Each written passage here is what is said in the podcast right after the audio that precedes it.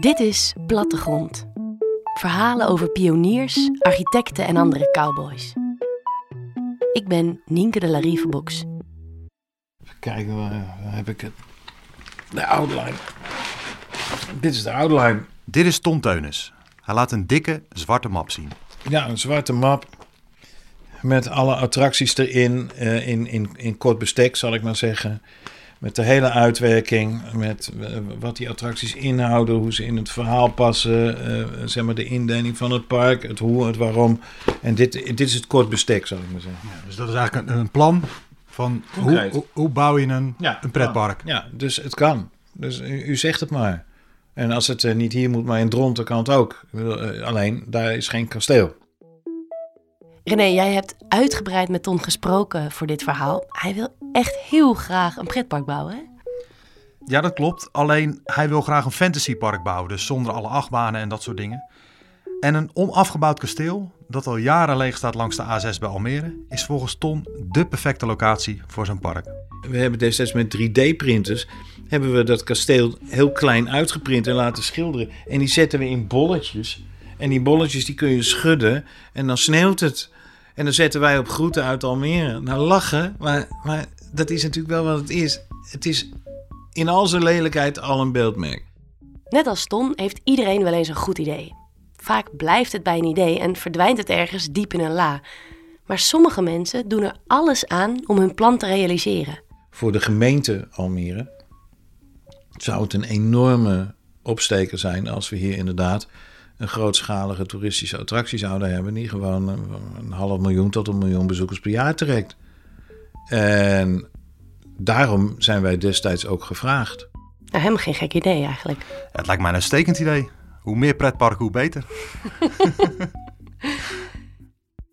Vandaag staat de vraag centraal: wat is er allemaal voor nodig om een plan om te zetten naar werkelijkheid? En hoe ver ga je daarin? Een verhaal over ambitie en doorzettingsvermogen. Maar ook over trollen, heksen en een spookachtig kasteel dat al jaren leeg staat. René, wie is Tom Teunis?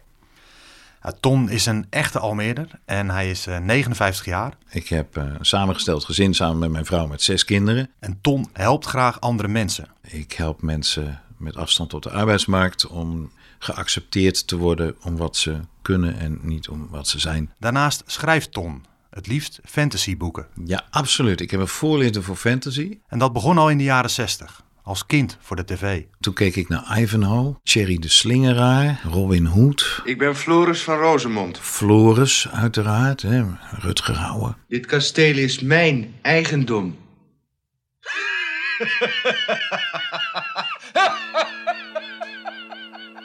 Wanneer begint dit hele verhaal voor Ton? Nou, dat is in 2009 en Ton en zijn vrouw runnen dan een marketing- en communicatiebureau. En als ze op bezoek gaan bij familie in Zweden, komt Ton in contact met een hoge ambtenaar van een provincie in het zuiden van Zweden. En die ambtenaar vraagt aan Ton: Goh, jullie, eh, jullie weten veel over, over marketing. En weten jullie nou geen manier om meer Nederlandse toeristen hier naartoe te lokken? Die is met kinderen. En ja, weet je, dat is niet zo moeilijk, want wij zijn allemaal kinderen van de Efteling. En Zweden zit stampen afgeladen vol met verhalen over trollen en, en, en heksen en donkere wouden en vikingen en noem het allemaal. Ton en zijn vrouw denken er nog eens goed over na. Ze komen uit op een Efteling-achtig themaparkje. Heel klein, het hoeft allemaal niet zo groot te zijn. Maar als je daar eens mee zou gaan beginnen, dat zou heel erg leuk zijn. En daar kun je, gegarandeerd trek je daar gezinnen met kinderen mee. En dat was eigenlijk nog wel erg sprookjesachtig allemaal. In 2009 wordt Ton ook gevraagd om les te geven aan een MBO in Almere. Media en vormgeving, film en video. En in die periode is het voor leerlingen lastig om een stageplek te vinden. En als ze die niet hebben, dan mogen ze geen eindexamen doen. Maar het zag er dus naar uit dat, eh, dat mijn jongeren daar heel veel problemen mee zouden krijgen. En toen ik in Zweden geweest was, met die mensen van de provincie had gesproken, die over een parkje begonnen. En toen reed ik naar huis en toen dacht ik bij mezelf: van ja, weet je wat het is? Als, als je dit gaat ontwikkelen, dan kunnen al die jongeren, het zijn allemaal creatievelingen, het is allemaal mediavormgeving. Die kunnen al die jongeren, die, die kunnen meedoen. En dat betekent dat ik ze eigenlijk een stageplaats kan aanbieden, want ik ben als bedrijf stage bevoegd. Alleen, ja, je ziet het zelf, het is een klein kantoor, dus hier zaten er al drie. En nou zouden er twintig moeten zitten. Nou, dat ging niet. Dus ik, uh, dus ik ben naar de directie van het ROC gestapt. En ik was van, ja, god, willen jullie niet uh, erover nadenken om, om, om zeg maar, dat een kans te geven? En toen hebben ze uiteindelijk, ja, omdat ze niks anders hadden, hebben ze gezegd van, doe dat dan maar. En zo ben ik met twintig jongeren, die uh, zeg maar, voor hun eindexamen zaten, ben ik in een zaaltje in Lelystad terechtgekomen. Wij wilden gewoon dingen bedenken en ontwikkelen voor zo'n park. En ja, dat is uiteindelijk is het uit de hand gelopen. Want van die twintig stagiaires, toen die klaar waren, toen werd er op de deur geklopt. En er stond de volgende groep van meneer, doet u dat volgend jaar ook? Want wij willen dit ook en het is zo leuk. En, en toen kreeg ik allemaal mensen, ZZP'ers, collega's van mij, die allemaal zeiden van dit is gaaf, weet je. En ik heb een halve dag over of een hele dag en ik kom je helpen. En, en zo hadden dan twintig stagiaires in één keer tien begeleiders uit de praktijk. Ja, die, die, die prestaties gingen met sprongen omhoog. Dus het was alleen maar hartstikke leuk om te doen. En dan komen Ton en zijn team terecht in een grote oude fabriekshal. Een campus voor creatieve bedrijfjes in Almere. Zeg maar, in het begin kijken mensen ernaar en dan schudden ze hun hoofd en denken ze van ja, nou weet je, het kan nooit wat worden en zo. En, en, en wij zaten daar en, eh, en op een dag belde iemand op van, uh, ja, nou, de koningin komt. Ja, tuurlijk joh. Eh, ja, maar die kwam dus echt, die kwam die campus bekijken. En toen wilden ze ook dat wij daar wat gingen doen. Dus we hebben zo'n oude fabriekshal. Die hebben we in een weekendtijd hebben we die helemaal omgebouwd tot een expositie. En toen zagen we voor het eerst ook zelf wat we eigenlijk allemaal al hadden gedaan en gemaakt en bedacht. Vertel eens, wat stond er? Uh, ja, variërend van allerlei hoofden die we gemaakt hadden voor karakters die, die, we, die we wilden gebruiken, tot en met opgebouwde uh, uh, diorama's, voorbeelden van uh, sprookjesachtige huisjes die we deden. En toen kwam dus Beatrix. En ja, dat is een hele rare gewaarwording, want ik stond daar met, met een aantal mensen die dus Witchworld mede, mede ontwikkelden. En, en uh, zo'n heel rijtje met stagiaires die daar allemaal stonden. En daar kwam ook de uitdrukking vandaan. Van bij Witchfield sta je de ene dag tot zover in de klei. En de volgende dag uh, sta je Beatrix een hand te geven. Want uh, ja, dit is... En dan, vanaf dat moment, als de koningin komt... dan komen er allemaal mensen achteraan met pakken en stropdassen en, en noem maar op. En die komen dan omdat de koningin het interessant vindt. Dus je krijgt bijna het gevoel van... hé, hey, de keizer heeft geen kleren aan. Maar eh, het, het, is niet interessant totdat iemand van statuur zegt dat het interessant is en dat het kan. Maar zij vond het in ieder geval heel leuk wat ze zag toen. Wat zei ze? Uh, ze toen ze wegging, zei ze... het moet een voorrecht zijn om deze opdracht uit te mogen voeren. En toen dacht ik bij mezelf, ja zeker majesteit. En tegelijkertijd dacht ik bij mezelf, maar nu moet ik nog even bedenken hoe het verder moet. Ja. In 2012 doet Witchworld mee aan een wedstrijd. Omroep Flevoland bericht hierover. Het toekomstige sprookjespark Witchworld van de Almeerse schrijver Ton Teunis heeft in Stockholm de derde prijs gewonnen in een wedstrijd voor meest kansrijke, innovatieve toeristische projecten in Scandinavië. Witchworld moet een sprookjespark worden in het zuiden van Zweden met trollen, heksen en andere magische elementen. De beelden voor het park worden in een atelier in Almere gemaakt. Ondanks dit hoopvolle bericht gaat het een half jaar later toch nog mis. Ik was in Zweden en, en daar kwam dus dat krantenbericht uit. Op een dag leest Ton in de krant dat de Zweedse burgemeester Witchworld eigenlijk niet meer ziet zitten. En die zei dat hij grote twijfels had of we het financieel bij elkaar konden krijgen. En, en ja, dat is niet helemaal zoals wij gewend zijn dat dat gaat. En dat was best teleurstellend. Ja, toen hebben we besloten om hem een brief te sturen van, joh, wat doe je nou? Want ik, ik snap dat je een mening hebt en weet ik wat dan, maar dat vind ik allemaal goed. Maar, maar om dat op deze manier te doen, ja, nu hoeven wij maar nergens meer terecht, want uh, de burgemeester gelooft er niet in. Dus, uh, en daar kregen we geen antwoord op. En dat duurde heel lang. Toen op zeker moment, toen uh, kwam dat fameuze mailtje. Wij kregen eigenlijk bijna nooit mails van die gemeente. En daar stond dus in, bij deze heffen wij het convenant op met vriendelijke groet ja, dat was echt van: oké, okay, dat is klaar. In maart 2013 is Ton terug in Nederland. Eigenlijk binnen twee dagen belde de gemeente Almere ons op van wat horen wij nu? Uh, ja, nou, het gaat niet door. goh, wil jij niet eens komen praten met ons? En toen zijn we op het gemeentehuis gaan praten en toen kwam de vraag van, eh, ja, zou je denken dat het ook in Almere kan? En daar moet je heel erg over nadenken, want je kan wel meteen ja roepen, maar, maar, we hebben hier al een Efteling, we hebben hier al een Sprookjeswonderland, we hebben hier al uh, een toverland. Dus om daar nou nog een Sprookjesbos bij te gaan bedenken, dat gaat er niet worden, dat, dat wordt niet erg populair.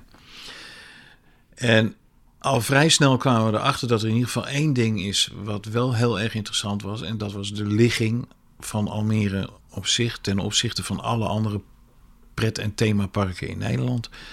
En dat is een unieke ligging, want je, je ligt midden in het land met in, in een straal van 25 kilometer gewoon 3 miljoen inwoners en 17 miljoen toeristen per jaar. Ja, dat heeft niemand. Dus als je er iets zou gaan bedenken, betekent dat dat je wel kans hebt dat het een flinke aanloop betekent aan mensen die je zou kunnen trekken. Maar dan moet je wel een onderwerp hebben. Want, zegt Ton, een themapark zonder goed verhaal is bij voorbaat al gedoemd om te mislukken. Ik was daarover aan het nadenken. Ik geloof serieus dat ik de afwasmachine stond te vullen. En dat ik toen bij mezelf dacht van... ik heb ooit eens in een musical gestaan over Almere over 25 jaar al meer of zo.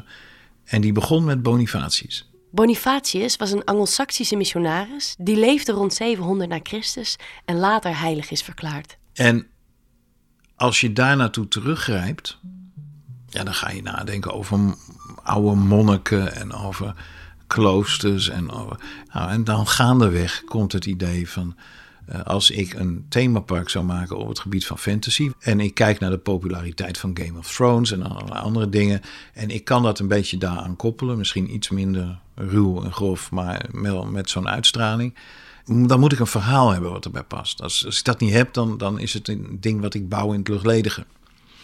En dat verhaal ben ik toen gaan schrijven. Ja, dat werd tweestrijd. En volgens de uitgever was dat minstens een trilogie. En ja, dat betekent dus, ik ben nu aan het derde boek bezig. En heeft het in het geheel ook een naam? Uh, ja, dat, eh, dat zijn de Witchworld vertellingen. En uh, uh, even kijken, waar heb ik dat ding ergens? Heb ik ergens zo'n boek liggen? De trilogie van Ton speelt zich af in 753 na Christus. Het verhaal gaat over de 16-jarige jonkvrouwe Helene van Berlichem en haar vrienden Pepijn, Ivar en de troll Turio. Zeg het haar, jonker. Wanhopig greep de troll Pepijn bij de hand. Zeg haar dat we ons ongeluk tegemoet gaan. Heb je ooit wel eens geprobeerd om met je tanden een berkenboom door te knagen? vroeg de jongen. Nee, antwoordde de troll. Nou, dat is makkelijker dan haar van een idee afbrengen, zei de jonker. En hij stopte zijn nap in de knapzak. Maar het is toch onmogelijk. Vuur, zei je toch? Ze beleven grote avonturen die uiteindelijk leiden naar een geheimzinnig kasteel. Ton, waar staan we nu? We staan bij het hek van het kasteel. Een hek met prikkeldraad en een bord verboden toegang voor onbevoegden. Ja, uh, pas op voor de hond. En, uh, en er staat ook uh, melden bij de uitvoering, maar die is er helaas niet meer. En dan komt het kasteel van Almere in beeld. In 2000 start de bouw van het kasteel, een ontwerp van de architect Renaud Storm van Leeuwen, met een 17e eeuwse uitstraling. Het zou een luxe trouwlocatie moeten worden, met een congreszaal, een restaurant, een concertzaal en een luxe hotel. Maar na twee jaar gaat de projectontwikkelaar failliet en sindsdien wordt er niet meer verder gebouwd. Ruim tien jaar later vraagt Ton aan de zaakwaarnemer van het kasteel of hij er een keer mag komen kijken. Het was in 2013. Die dag staat Ton voor de ingang van het kasteel. Om daar te kijken. En dat was een beetje raar op zich, omdat in de optiek van de Almere dat kasteel iets was wat, wat volstrekt ontoegankelijk was. En dan gaat het hek open. En achter je gaat het hek weer dicht. Hij loopt over een lange oprijlaan met aan beide kanten grote kastanjebomen. Het gaf een heel rare aanblik, heel mooi. Hij loopt over de oprijlaan en het kasteel komt steeds dichterbij. Het kasteel is een grijs betonnen karkas met uh, vijf torentjes, die ook al wel groot zijn hoor, en een hele grote uh, donjon, zoals dat heet. Dus een hele grote verdedigingstoren. Het kasteel is deels opgemetseld met kloostermoppen, grote bakstenen uit de middeleeuwen. En dat was tot aan de eerste verdieping gedaan. En, en dat was zo blijven staan. Van de ene op de andere dag moesten al die bouwvakkers die moesten stoppen. En dus er waren allerlei ja, uh, halve stijgertjes die er nog stonden en weet ik wat allemaal. En, en het was allemaal zo blijven staan. Het was een beetje, uh, ja, weet ik veel. Het, het, meisje wat zich in de vinger prikte en toen stond de hele tijd stil. Maar dit was echt zo. Het kasteel is omringd met een slotgracht. En over de gracht ligt een grote, dikke balk. Maar die was door de tijd wel redelijk aangetast en die zakte een beetje door. Voorzichtig lopen ze over de balk. Afijn, dan sta je binnen. Ik probeer me dan zeg maar een, een, een beeld te maken van tevoren van ongeveer zo ziet het eruit. Maar kon natuurlijk de, de, het kasteel vanaf de A6 zien liggen, net als iedereen als je er langs rijdt. Dus in zekere zin wist ik wel hoe het eruit zou zien. Maar als je er heel dichtbij bent, dan, dan kom je tot een hele verbazingwekkende conclusie. Namelijk dat het veel groter is dan je gedacht had. Het is 40 bij 50 meter. En dat, dat zie je niet als je er langs rijdt. Dus, dus ik stond verbaasd van de omvang. Ton kijkt door de gaten in de vloer waar de lift moet komen. Het was heel donker en er zat allemaal water in, want de pomp was kapot, die normaal gesproken de kelder leegpompt. Groen, mossig, grote betonnen gangen die heel hol klinken. En het is er koud en de wind waait er doorheen en het is er altijd koud. En wat, wat, ik, wat ik het, het meest opvallende vond, dat, dat was dat ondanks het feit dat er allemaal graffiti hier binnenin gespoten was en, en normaal, dat het nog zo'n zo'n spookachtige, fantasyrijke uitstraling had. Want toen je daar stond, dacht je toen gelijk van wauw, hier, uh, hier kan ik iets mee? Ja. Ik, ik zag een, een kasteel waarvan ik eigenlijk per definitie al kon zeggen dat je, dat je wel gek zou zijn als je het af zou breken. Als ik een fantasypark zou willen bouwen, zou ik heel graag willen dat ik een kasteel had. En vervolgens blijkt dat Almere beschikt over dat kasteel. Voor zover ik het me kan herinneren, zei ik alleen maar: dit is gewoon fantastisch. Dus vanaf dat punt ga je nadenken over van oké, hoe vul ik het in? Ja, belangrijke vraag bij elk nieuw themapark is: hoeveel bezoekers kan het verwachten? Hoe heeft Ton dat aangepakt? Nou, op basis van ervaringen die Ton heeft opgedaan in Zweden, berekent hij hoeveel bezoekers Witswild in Almere per jaar zou kunnen trekken. Dat, dat is gebaseerd, dat getal, op, nou, op de, de normale cijfers en berekeningen en formules die je bij de IAPA gewoon kunt vinden, bij de internationale organisatie van themaparken. Uh, en als je die erop loslaat, dan kom je ergens gecombineerd en gekoppeld aan de hoeveelheid mensen die in een streek of in een gebied. En hoe ver zijn Nederlanders bereid om te reizen voor een attractie? En wat heb je ze dan te bieden en hoe uniek is dat dan? Hij gaat rekenen en nog eens rekenen. En hij komt uit op 750.000 bezoekers in het eerste jaar. En dan is het meestal zo dat in de jaren daarna je een lichte terugval krijgt en daarna begint het te klimmen. Maar ambtenaren zijn kritisch op de rekensommen van Ton. De gemeente zei tegen ons, dat waren dus de mensen die ons gevraagd hadden: ja, maar dan zijn jullie wel een, uh, zeg maar een slager die zijn eigen vlees keurt. Want uh, ja, hoe kom je nou aan het getal? En dat moet onderzocht worden. En wij hadden geen geld voor een haalbaarheidsonderzoek door een onafhankelijke partij. De gemeente Almere wil wel betalen voor een haalbaarheidsonderzoek. Dat wordt uitgevoerd door Royal Haskoning DAV. Kosten 50.000 euro. Toen de uitslag van het onderzoek kwam, toen gaven wij een persconferentie. In de Rabobank, in de toren van de Rabobank, want daar was Witchworld gehuisvest. Het is december 2013. Pers, ambtenaren en medewerkers van Witchworld zijn aanwezig. En toen zaten we daar. En toen zei ik tegen die man van Roas Koning DRV van... En hoeveel zijn het er dan? En uh, eh, 850.000, daar kwamen zij op. Dus 100.000 meer. En dat wisten wij natuurlijk wel, maar het was toch wel even scoren. Hè? Maar ze komen die dag ook met nieuws waar niemand rekening mee had gehouden. De zaakwaarnemer van het kasteel, Jaap Kevelam, was ook aanwezig. Maar ik kondigde hem dus aan. En dat was nou alsof je echt, alsof je er een bom in gooide. Weet je, van geroezemoes en gedoe en uh, opmerkingen. En toen was het van, uh, nou ja, uh, Jaap, kun jij aangeven? wij hebben inmiddels al een paar keer met elkaar gesproken. En nou, daar zijn we toch wel we zijn onderweg ergens heen en kun jij aangeven hoe dat staat. En toen zei Jaap Kevelam, nou ik, ik kan het ongeveer zo omschrijven. We zijn nog niet getrouwd, maar we hebben wel verkering. Die maakte gewoon duidelijk van nou wij zijn heel serieus met elkaar in gesprek. wij denken dat dit echt iets kan worden. Ja, het is wel een charismatische man, als ik het zo mag zeggen. En dat was echt een, een, een, een bom in de zaal gooien, want er ging iets met het kasteel gebeuren. En ook niet iets wat het eerste zou zijn wat je verwacht. Hè? Ik bedoel, iedereen dacht altijd van dat wordt ooit eens gekocht door Van der Valk. Of dat wordt ooit eens een keertje door een, een grote uh, pandjesbaas of, of, of, speculant of weet ik wat allemaal overgenomen of wat dan ook. Nee, het waren inwoners van Almere en die gingen iets proberen te doen. En dat was wel heel bijzonder. In oktober 2015 is er een vergadering gepland in de toren van de Rabobank. Ton en zijn team de directie van de Rabobank, ambtenaren van de gemeente Almere en de zaakwaarnemer van het kasteel, Jaap Kevelam, komen op de tiende verdieping bij elkaar.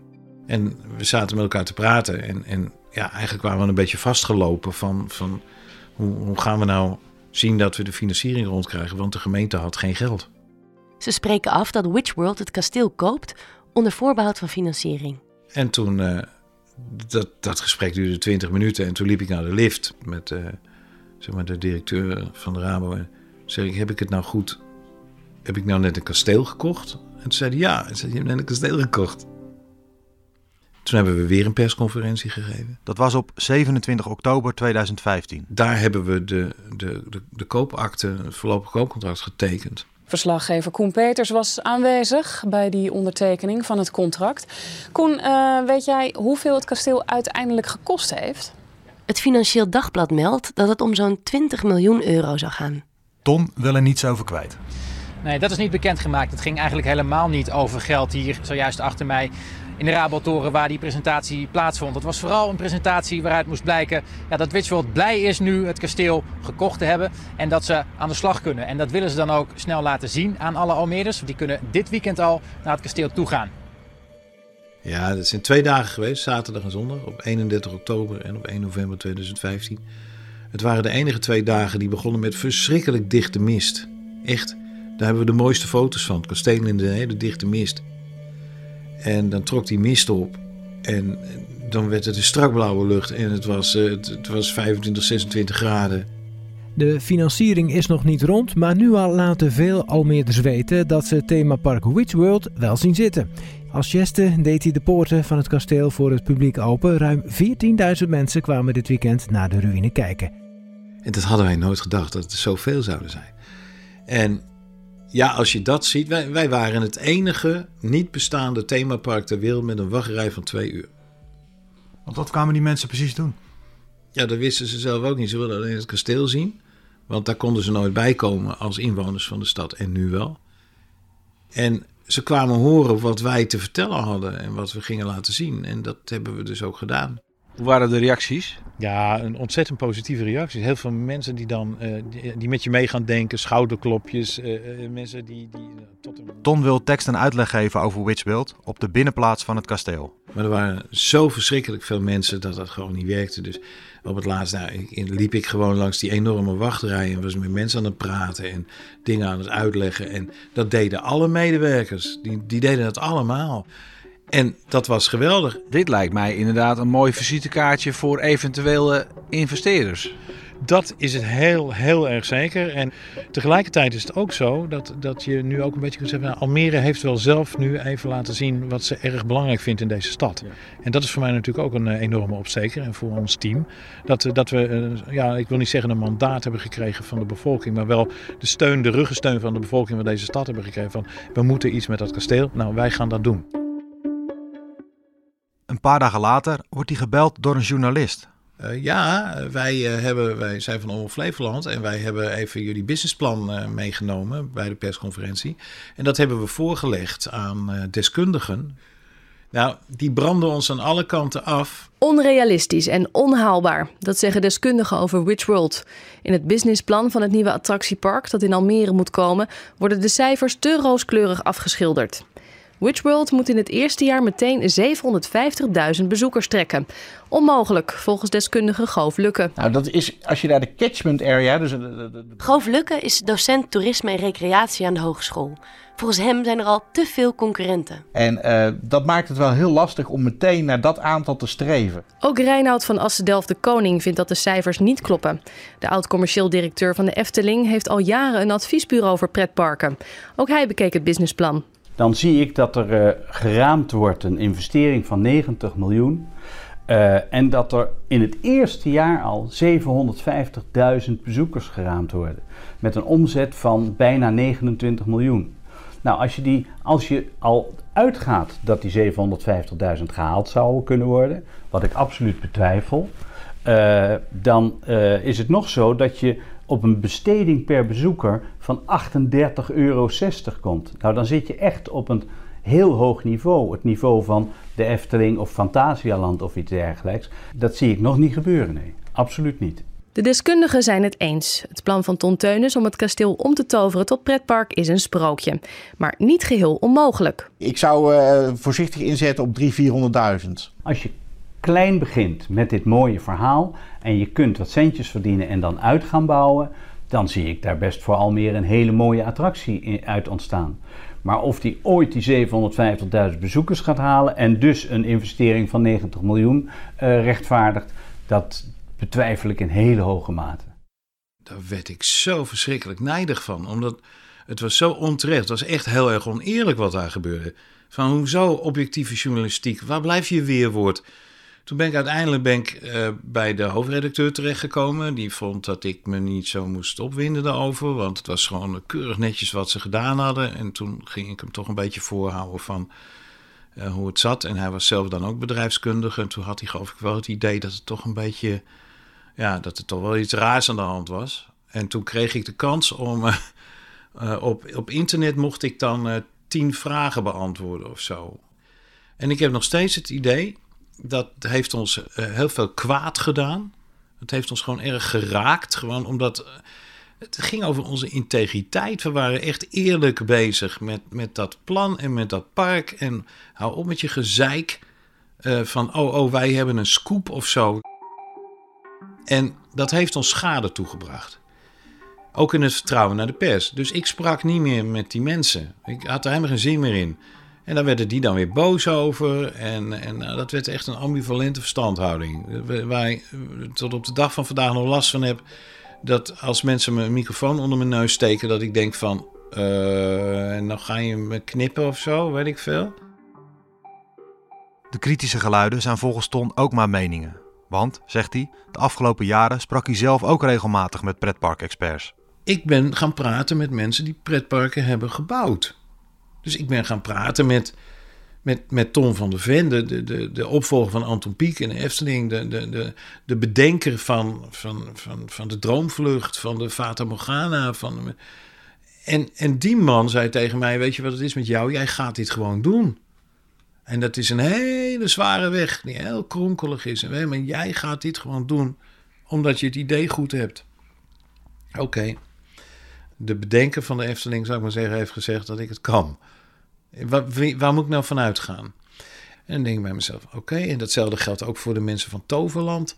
Waar, waar, waarvan dezelfde meneer die zei dat wij het niet konden, ook zei dat dat niet kon. Nou, dat staat, het staat als een huis. En hetzelfde geldt voor uh, Disney. Walt Disney bedacht Disneyland en niemand wilde er geld in stoppen. Niemand. Helemaal niemand dat zijn de mensen die het hebben gedaan. Die hebben allemaal tegenwerking ondervonden van hier tot Sint-Juttemus. En, en dat is voor mij een aanleiding om, uh, heel kritisch te kijken naar mensen die kritisch zijn. Nou, en, en ik studeer nu negen jaar thema parkologie, zal ik zeggen, in de praktijk. En, en, en dan weet ik gewoon van, nou, dit kan.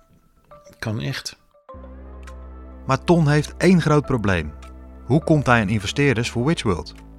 Om zijn plan werkelijkheid te laten worden, heeft hij zo'n 90 miljoen euro nodig. Op een gegeven moment komt hij in contact met Chinese investeerders. Wij hadden twee hele grote Chinese partijen aan de haak. Dat was iets, dat kon je je niet voorstellen. Wij kleine jongetjes, wij zaten met de grootste uh, onroerend goed organisatie van China aan tafel. Ja, weet je, als je dat overkomt. En die jongens die deden 100 miljoen in een half uur, weet ik veel. Uh, dus nou, nou, fijn, wij op zeker moment uh, hebben gezegd van ja, oké, wij willen heel erg graag een warme brief van de gemeente. Gewoon een A4'tje waarop staat, wij vinden Witsworld leuk en we gaan ze helpen waar we kunnen. We hebben geen geld, maar, maar we gaan ze helpen waar we kunnen. nou, dat is waarschijnlijk een probleem, zeiden ze bij de gemeente. Met 14 dagen konden wij zo'n briefje krijgen. Dus toen belden wij de gemeente van nou, we kunnen hem tekenen. En twee dagen later belde die ambtenaar terug en die zei, wil je niet geloven? Ze hebben die brief zelf opgesteld. Nou willen ze hem niet tekenen. Uh, ja, nou dan moet hij er toch komen en wanneer kan hij dan klaar zijn? Ton moet ongeveer twee maanden wachten op de aanbevelingsbrief van de gemeente. Toen was het uiteindelijk was het einde van het liedje was dat we zouden hem krijgen. En ik denk een paar dagen later verschijnt er in het Financieel Dagblad een, een pagina groot artikel eh, dat uh, Xi Jinping, de, de, de president van, uh, van China, die had verordoneerd dat er niet langer non-strategisch mocht worden geïnvesteerd in Europa, alleen nog maar in de zijderoute. En de zijderoute, dat is, dat is 600 miljard in infrastructuur en, en, en, en dat is in Zuid-Europa Zuid en Noord-Afrika. En, en dat betekende dus einde voor ons, want ze mochten niet meer investeren, zomaar. Dus wij kregen van beide partijen een mail van we vinden het erg naar en weet wat allemaal, we mogen niet meer. En als dat ooit anders wordt, dan uh, staan wij uh, klaar om, uh, om, om de onderhandelingen weer op te pakken. Maar voor ons was het over. En daarna kregen we die brief. En ja, toen stortte voor mij en voor het team een heleboel in. Toen, toen was het voor ons echt van, nou, we zijn gewoon compleet kansloos. We, uh, dit, zijn, dit is de beste kans die wij ooit gehad hebben. En het is een kans van, van miljoenen. En, en wie, wie, wie krijgt deze mogelijkheid? Nou, ik was, uh, ja, ik was uh, ja, aangeslagen en boos. We hebben de gemeente ook gevraagd om een reactie. Maar die wilde niet geïnterviewd worden voor deze podcast. Ik, heb, ik ben gaan protesteren. Ik ben bezwaar gaan maken. Ik heb hier gebeld en daar gebeld. En uh, maar ja, toen was het verhaal natuurlijk van ja, maar het gaat toch niet meer door, want de Chinezen die mogen niet meer. En, en voor ons betekende dat uiteindelijk natuurlijk gewoon de, de constatering dat de gemeente Almere eigenlijk niet, niet echt van plan was om ons verder te blijven steunen. Witchworld wordt van alle kanten bestookt met kritiek. Toch blijft Ton geloven in zijn plan. Ondanks het feit dat je uitgelachen wordt door de halve wereld. En dat de andere halve wereld hoofdschuddend staat te kijken omdat ze denken dat je toch niet redt. En toen zei iemand, ja, Witchel, Witchel is een plan. is een plan. En ik heb er zoveel plannen gehoord hier. Het, uh, nou, daar zie ik niks in. Wat afwijkt van de norm. Wat het ook is. Krijg je zeker vandaag de dag met social media de hele wereld over je heen die zegt dat het niet kan. En, en ik dacht dat wij met z'n allen eigenlijk bezig waren. En dat kun je me verwijten. Dat doe ik misschien mezelf ook wel. En aan de andere kant juist weer helemaal niet. Dat ik zo naïef was om te denken dat we allemaal met de neuzen dezelfde kant op stonden. En dat ons doel van iedereen was, van de gemeente en van investeerders en van de bank en van, en van Omroep Flevoland en van de andere media. Om te werken aan iets wat opbouwend was. Nee, we waren bezig met eigen agenda's en we waren bezig met het neersabelen van iets wat de kop boven het maaiveld uitstak. En we waren, het is heel raar. En dan zeg ik tegen mezelf van, en jij was zo naïef dat jij echt dacht dat die mensen het allemaal goed met elkaar en met het plan voor hadden. Ja, en ik zal je vertellen, als ik niet zo naïef was geweest, was ik er niet aan begonnen.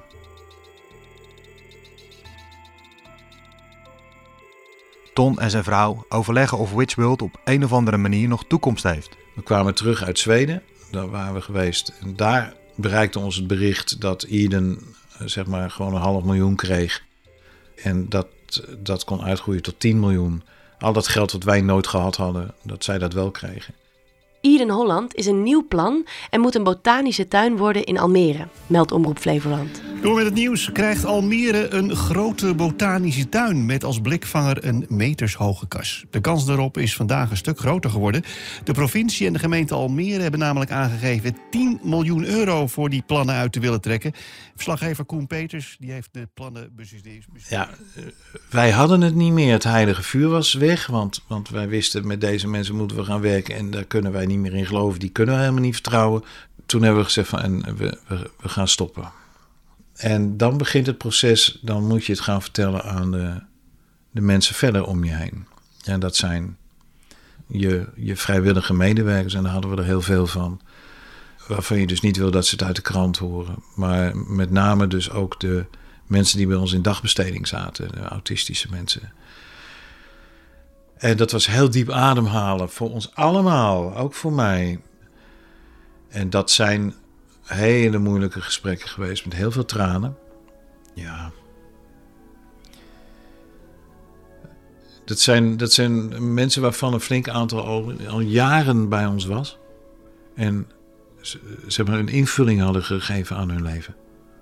En een hele mooie, hele knappe. Die dingen maken waar je echt van achterover slaat. Zo mooi en zo goed en zo knap. En over vaardigheden beschikken die, ja, die, je niet, die, die, die moet je echt met een lampje zoeken. En die mensen die zaten bij ons, en sommigen al jaren, en die kregen te horen dat het over was. Ik denk dat het voor mij een van de meest memorabele momenten is geweest. Dat wij hebben een van onze vrijwillige medewerkers, Peter, was al gepensioneerd en die, die was op vakantie geweest. Toen dat gebeurde. En toen Peter kwam, toen waren wij al begonnen met uh, zeg maar het, uh, het leeghalen van dingen echt een, een, een, iemand die, die je kent als een hele rustige, gedegen boekhouder, zou ik maar zeggen, hè, als je het zo wilt noemen. Maar, de, maar gewoon een rustig mens. Die heel veel kan verstouwen. Die notabene zelf een hoge ambtenaar bij de gemeente was geweest. En die heb ik daar zien huilen. En dan sta ik dan. Ja, dan moet ik hem dat vertellen. En dan moet ik zien dat ik nog iets zeg wat op de een of andere manier nog iets verzacht. Dat is gewoon niet zo. Het was voor, voor heel veel mensen hier was het een levenswerk. En dat, dat Delta-gebouw zat, zat vol met allerlei dingen die we verzameld hadden, maar ook ontwerpen die we hadden gemaakt. En we hebben het merendeel gewoon allemaal weggegooid. Noem eens wat op. We hadden complete wanden, van, van kasteelwanden die we gemaakt hadden van, van steen. we hadden figuren en, en, en diorama's en poppen en maquettes. En, en uh, we hadden een complete technische robotica afdeling waar we dingen maakten. Het is allemaal weggegooid. Uiteindelijk uh, heb ik met, met behulp van bevriende ambtenaren hebben we containers naast het gebouw geplaatst. Van die drie meter hoge containers, uh, vijf meter lang of zo.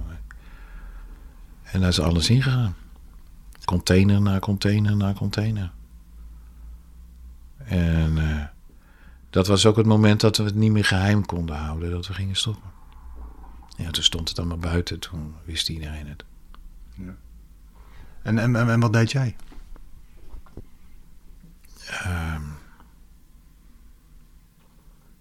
ja. Proberen om mensen te motiveren om, om die opruiming te doen, want het is een soort van verwerkingsproces. En af en toe ben ik ook wel weggegaan. Ik kon niet meer zien. Ze hadden het zelf gebouwd. En ze hebben het zelf ook afgebroken. Want, want hielp het ook? Luchten het op? Ja, joh, dat is een leuke vraag. Hielp het ook? Kijk, als ik er nu achteraf op terugdenk, dan denk ik bij mezelf van... Wat vind ik het verschrikkelijk jammer dat we zoveel weg hebben moeten gooien. Want oh, oh het waren er mooie dingen bij. En wat zou er nu nog nuttigs mee gedaan kunnen worden? En, en dan gaan ze maar door. En aan de andere kant, ja, op dat moment hielp het wel. En het was ook een signaal. Het was ook het signaal naar zeg maar, de gemeentelijke overheid, naar het stadsbestuur. Van als je denkt dat het niet menens is, het is echt menens. Zou je het opnieuw doen? Stel dat je nu weer een kans krijgt om, om dat park toch nog te realiseren. Sta je er dan voor open? Ik zal het je sterk vertellen. Je kunt dat park nog steeds realiseren. Toch wel? Ja. Nou, alles wat er is gebeurd, ja. heb je toch nog... Uh... Ja, ik weet, ik weet niet of, uh, of ik dan sta te trappelen om wat te gaan doen. Want dan wat moet ik in vredesnaam met dat stadsbestuur. Niet? Ze zijn zo onbetrouwbaar als de pest. Maar dat wil niet zeggen dat het park niet gerealiseerd kan worden. Natuurlijk kan dat. Het park kan gerealiseerd worden. Uh, de, de, de, mensen die er destijds bij betrokken zijn. Ik denk dat als hun telefoon gaat, dan staan ze er weer. Ik denk dat je als je met de eigenaar van, van het kasteel gaat praten, als wij dat zouden gaan doen. En we zouden met een concreet plan en met concrete financiering komen. Ik denk dat die mensen zouden staan te klappen. En ik denk dat heel Almere dat zou doen. Want eigenlijk is het zo dat we dit met z'n allen eigenlijk wel willen. Als je nu de oude jij zou ontmoeten, hè, van een, voordat je aan het project begon, wat zou je tegen hem willen zeggen? Uh, nou, als je met je vrouw in de auto zit en je rijdt van Zweden naar Nederland, ga het over iets anders hebben. Weet ik veel. Over voetballen, over Katja Schuurman. Over, het maakt me niet uit waarover. Maar begin niet over, ik heb een leuk idee, een plan voor toerisme en weet ik wat allemaal. En daar kunnen we, oh, weet je, je zou dit kunnen doen. Nee hoor, dit is wat, wat uh, sarcastisch uh, gezegd. Weet je, tussen zeg maar september 2009 en uh, zeg maar het, het, sluiten van de tent, uh, zeg maar in oktober 2018, hebben we 532 jongeren een stageplaats weten te geven. Als je gewoon, uh, weet ik wat, 30 jongeren met afstand tot de arbeidsmarkt, autistische kinderen en, en volwassenen en zo een plek hebt weten te bieden. Dat is natuurlijk eigenlijk waar het echt op aankomt. En waarvan je kunt zeggen van we hebben veel meer bereikt dan het verliezen van ons idee voor het park alleen. Dat is wat je echt kunt meenemen en dat is eigenlijk vele malen mooier dan alle ergernis en alle verdriet en alle ellende die je bij elkaar op kunt tellen. Uh, maar die weegt af en toe natuurlijk ook wel eens mee en zwaar. En, ja, maar ik, ik denk dan bij mezelf van ja, al die jongeren, nou, het is gewoon fantastisch. Prachtige tijd.